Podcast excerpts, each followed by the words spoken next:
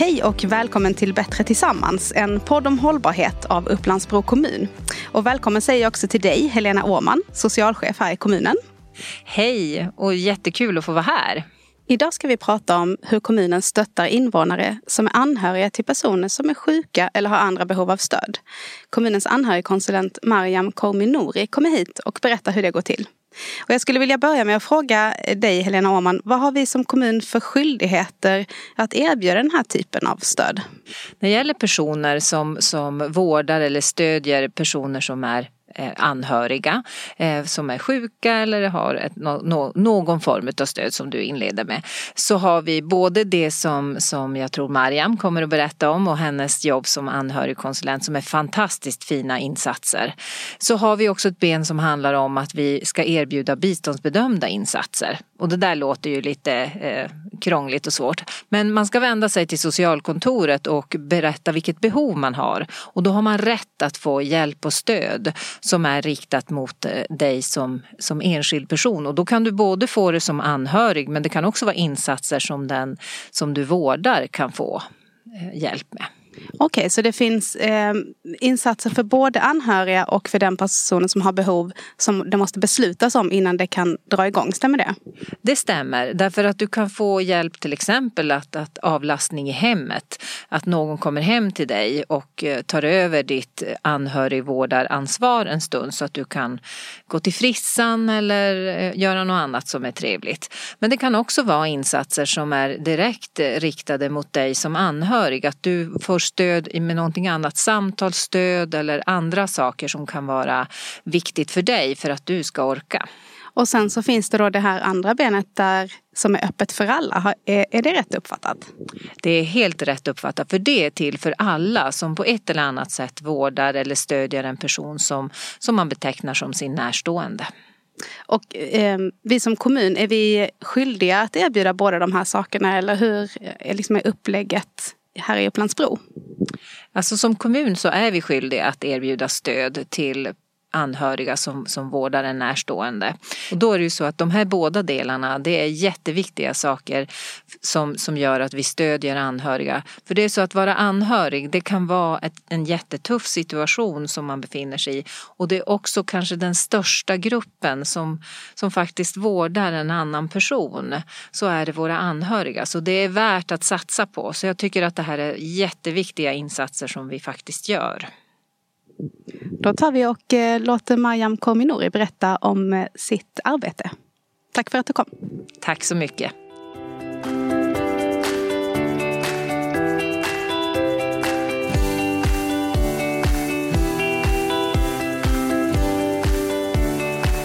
Mariam Korminori, anhörigkonsulent här i Upplandsbro kommun. Välkommen hit. Tack så mycket. Jag tänker på ordet anhörig. Eh, de flesta av oss är ju anhörig till någon. Eh, men när vi pratar om anhöriga här idag och i kommunens verksamhet, vad menar vi då? Vem är anhörig? Nej, men anhörig är, eh, det kan vara en partner, det kan vara föräldrar, det kan vara barn, barnbarn, mor och farföräldrar. Det kan vara en vän eller en granne som på något sätt hjälper och stöttar en person som har beroende av något slag. Eh, det kan vara funktionsnedsättning, psykisk ohälsa, kognitiv sjukdom. Vad, vad är det, det, vanligaste? Kan man säga det eller är det spritt? Liksom? Nej, men det vanligaste vi möter här i kommunen är eh, partner till en person med kognitiv sjukdom. Eh, det finns också väldigt många föräldrar som jag möter som har barn med någon form av funktionsnedsättning. Mm. Um, och du jobbar ju då som anhörigkonsulent. Precis. Kan berätta lite vad det innebär?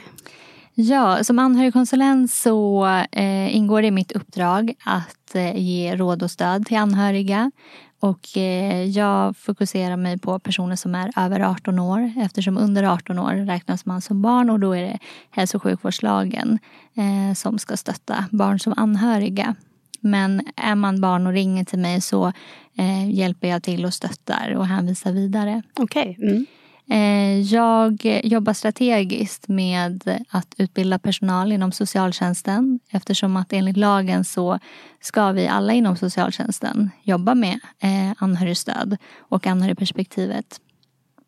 Och eh, jag anordnar även föreläsningar till olika målgrupper och håller i anhöriggrupper. Och vi anordnar också mycket grupper för anhöriga där det är fokus på återhämtning. Okej, okay, ja, för jag tänkte att vi ska liksom fördjupa oss lite där. Så frågan är varför ska man kontakta kommunen om man är en person som är anhörig till någon, så som du beskriver? Mm. Eh, som anhörig så kan man känna sig väldigt ensam eh, i sin situation även om man eh, är flera i hushållet eller eh, i vänskapskretsen. Och därför är det bra att kontakta oss för att se vad vi i kommunen kan erbjuda. Vi har ju både insatser som man kan ansöka om och sen så finns det insatser som Eh, man inte behöver ansöka om. Och kan få som är öppna för alla alltså? Som är öppna för alla, precis. Mm. Som anhöriggrupper. Vi har även må bra-check eh, som är en liten summa som man som anhörig får om man bor tillsammans eh, med den som man stöttar och hjälper. Eh, så att man kan använda den eh, summan. Vad kan, form... den, vad kan den användas till då till exempel? Syftet med den är att den ska användas till form, någon form av rekreation. Det kan vara någonting som man tycker är kul att göra. Eh, så att man får en, en paus i stöttandet. Precis. Mm. Det kan mm. man göra som anhörig själv eller om man vill göra det med sin närstående och se det som avkopplande så funkar det jättebra. Mm. Um, men det här med anhöriggrupper som du nämner, vad finns det för olika slags eh, liksom aktiviteter då som man kan delta i? Mm, det är ju utifrån vad man själv som anhörig känner att man har för behov. Vi har ju både eh, eh, anhöriggrupper i kommunen. Jo, men jag tänker om du skulle beskriva lite vad det är för något. Vad gör man när man kommer dit? Vad händer då? Eh, det, är ju beroende på vad det är för typ av aktivitet. Vi har ju anhöriggrupper där det är, vi har allt ifrån yoga till eh, liksom enstaka tillfällen där det är retreatdagar. Vi har avslappningskvällar för anhöriga. Sen har vi även samtalsgrupper mm. eh, där, vi, där jag som anhörigkonsulent leder eh, själva eh, gruppen. Eh, så det är, det är väldigt olika. Är det någon slags, ehm, liksom, är det ett tillfälle då, då man eh, delar erfarenheter och så? Eller vad är, brukar fokus vara på dem? Vad har folk för behov? Mm, ja men precis, beroende på vilken typ av aktivitet det är. Är det yoga så är det ju fokus på yoga. Men är det samtalsgrupp så är det ju att man som anhörig får träffa andra som är i liknande situation och dela med sig. Eh, just nu har vi till exempel eh, jag tillsammans med några andra anhörigkonsulenter eh, i Stockholmsregionen som vi erbjuder för alla anhöriga då i Stockholms län så har vi anhöriggrupp för stroke. Och där bjuder vi in också föreläsare, vi bjuder in kunniga eh, så att det blir även eh, information att man får att man fakta. får lära sig. Man får lära sig. Mm. Och vi utgår alltid ifrån, eh, både jag och andra anhörigkonsulenter, vi utgår ifrån vad vill den anhöriga ha. Är det, är det det som efterfrågas mycket då? Att man vill veta mer och um kan det finnas någon, nu sa du att man, nu kanske ni hade fokuserat på personer som stöttar anhöriga med, som har drabbats av stroke. Um, är det liksom viktigt att man får träffa just personer som hanterar samma typ av eh, situation eller sjukdom? Vad är din erfarenhet? Det är väldigt olika. Eh, eftersom vi i vår kommun också är en liten kommun så kan det ibland vara svårt att hitta hitta eh, och fylla grupperna. Till exempel om det är för psykisk ohälsa där det är lite eh, stigmatiserat. Så därför kan man ha eh, jag har till exempel promenadgrupper för båda eh, för både fysisk funktionsnedsättning och psykisk ohälsa. Eh, och eh, det beror på vilka anhöriga som kommer och vilka problem man tar upp. Men i många fall så funkar det bra. Men sen i vissa fall så behöver man dela upp det. Vi har till exempel eh, anhöriggrupper för personer till någon med kognitiv sjukdom. Vad kan det vara till exempel? Eh, demens. Mm. Eh, och där har man sett att det är mycket bättre att dela upp eh, och ha för yngre, det vill säga under 65 och en grupp för äldre över 65. Mm. Vad finns det för fördelar med det? Eh, det som är bra är att, eh, som du säger, att man, man har liknande erfarenheter. Många anhöriga under 65 de är fortfarande yrkesverksamma. Eh, man kanske inte har liknande problem med en person som inte är yrkesverksam längre. Och man behöver få den informationen som är relevant. Mm. Mm. Um, liksom, är det lätt för folk att kontakta dig eller jobbar du också uppsökande någonting? Jag jobbar väldigt mycket uppsökande. Jag brukar Mm. säga att jag jobbar med att marknadsföra mig själv, göra reklam för mig själv för att eh, det här eh, med anhörigstöd och anhörigkonsulent är ändå ganska nytt. Det, lagen om att vi ska erbjuda kom 2009. Mm. Eh, så jag, jag jobbar uppsökande, jag jobbar väldigt mycket med att skapa kontakter, nätverk med olika eh, föreningar, med anhörigföreningen, med Svenska kyrkan har vi samarbete med, Röda Korset. Eh, vi har även ett anhörigråd där olika eh, anhörigföreningar är med. Mm.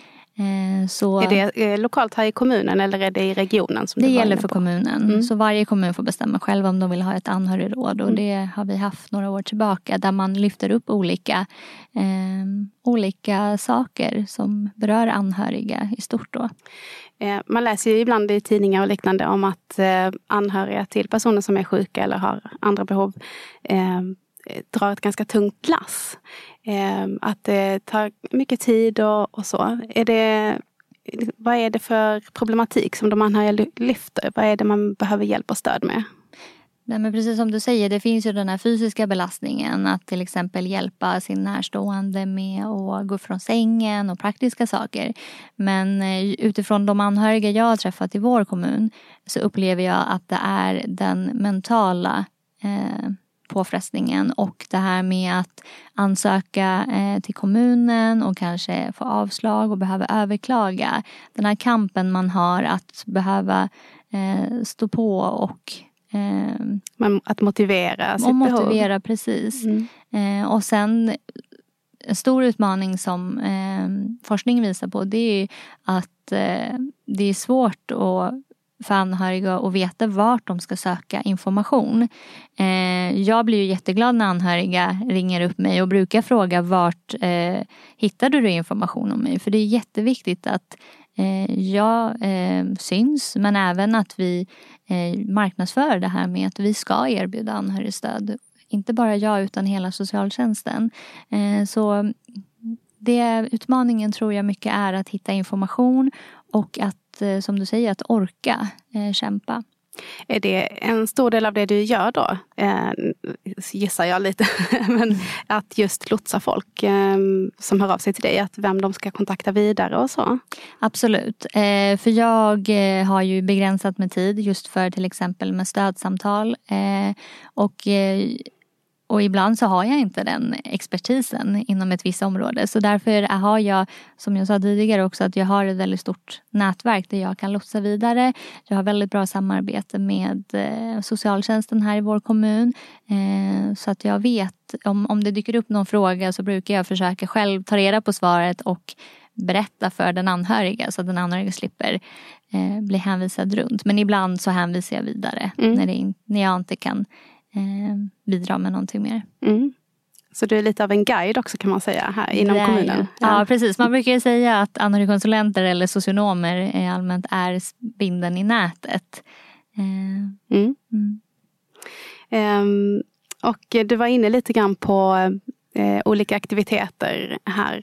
Yoga nämnde du, promenadgrupper och så vidare.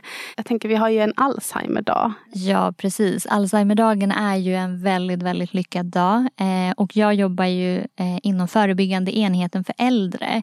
Och där har mina kollegor, de jobbar väldigt mycket med eh, anhöriga till personer med kognitiv sjukdom.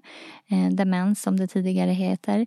Och eh, jobbar mycket också med eh, personer som har kognitiv sjukdom. Så det är det som har lyfts upp också i, i Socialstyrelsen som vi är väldigt stolta för. Eh, att i vår kommun så erbjuder vi stöd hela vägen. Och vi erbjuder även Vad till- betyder det hela vägen? det betyder vad? att vi finns, eh, att vi erbjuder stödgrupper för både anhöriga men personer med kognitiv sjukdom. Och sen har vi även eh, platser där både den som har sjukdom, kognitiv sjukdom och den anhörige kan komma tillsammans och träffa andra i liknande situation. Eh, och där kan vi fånga upp väldigt många. Eh, och sen så eh, kan man ansöka om dagverksamhet som finns eh, på Kvistaberg som är en jättefin miljö att vara i. Eh, och vi har också väldigt bra samarbete med kognitiva mottagningen eh, i Jakobsberg där man, när man har blivit utredd för kognitiv sjukdom så kommer en eh, kopia på läkarintyget till oss och där mina kollegor ringer upp då. Ja, så det är en del av det här uppsökande arbetet Exakt. som du nämnde tidigare. Precis. Mm, mm. Mm.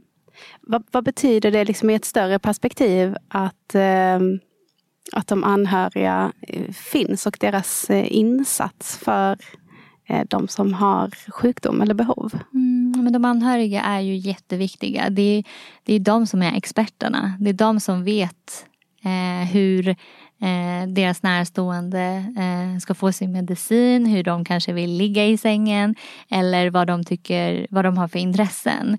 Så det är jätteviktigt att vi ser anhöriga som resurser istället för hinder och verkligen frågar dem. Eh, eh, för de är ju som sagt experterna.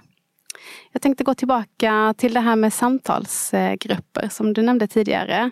Eh, vad är det som kommer upp eh, på den typen av aktiviteter? Vad är liksom utmaningarna som de anhöriga lyfter?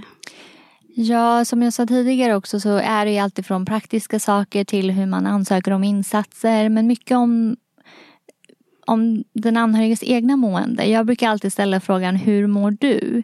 För det är så lätt som anhörig att prata om sin närstående och eh, fokusera på det istället för att känna efter med hur mår jag? För att jag brukar säga att om om du inte orkar, vem ska ta hand om dig?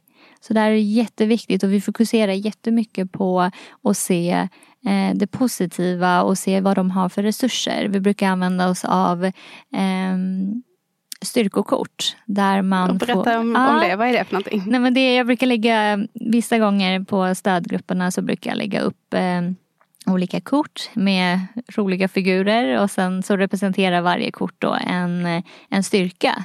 Det kan vara till exempel modig eller positiv och sen så finns det olika frågeställningar man kan jobba med. Och det, bland annat brukar jag ta upp att vad har du som anhörig för styrkor?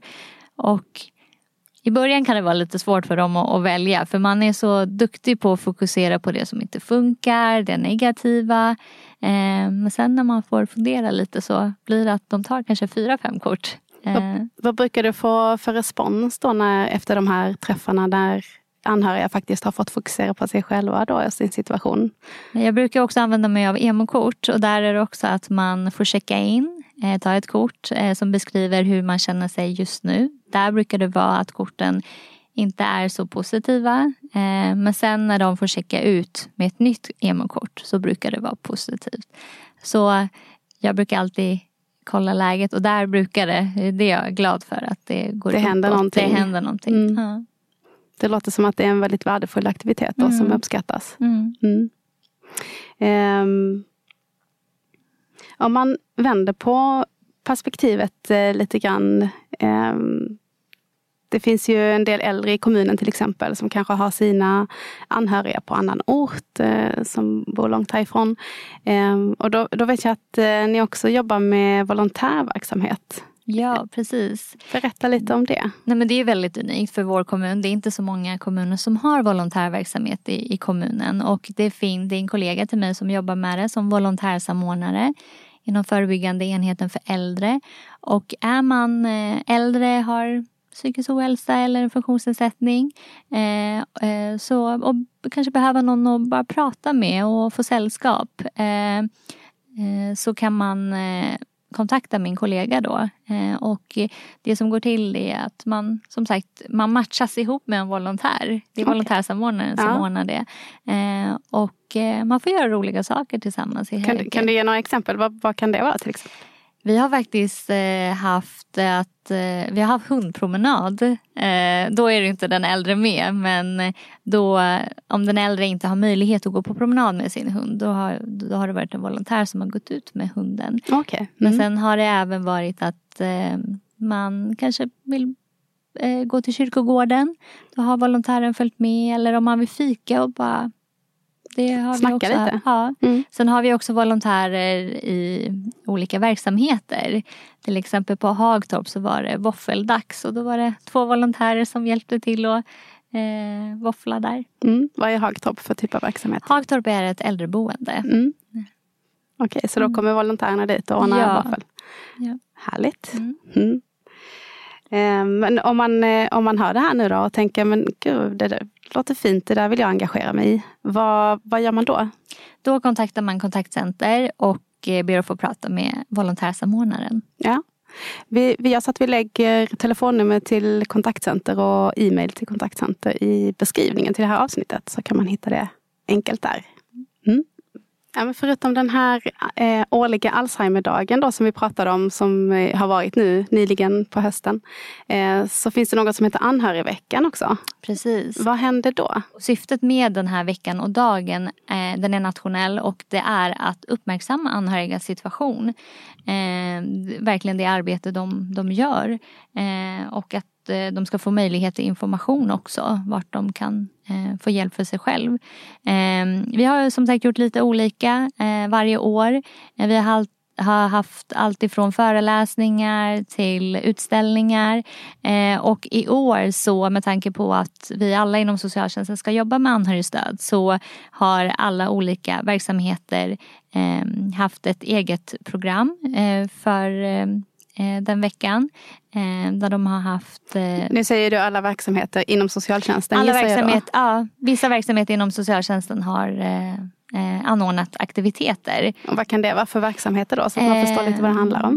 Eh, Det har varit eh, demensvänsutbildning eh, där eh, man har haft möjlighet att lära sig mer om demens. Eh, och sen så har det varit föreläsning om framtidsfullmakt och anhörigbehörighet. Vad betyder det? Framtidsfullmakt är eh, en fullmakt som man skriver för framtiden. Eh, och den gäller då när man längre själv inte kan fatta egna beslut. Mm.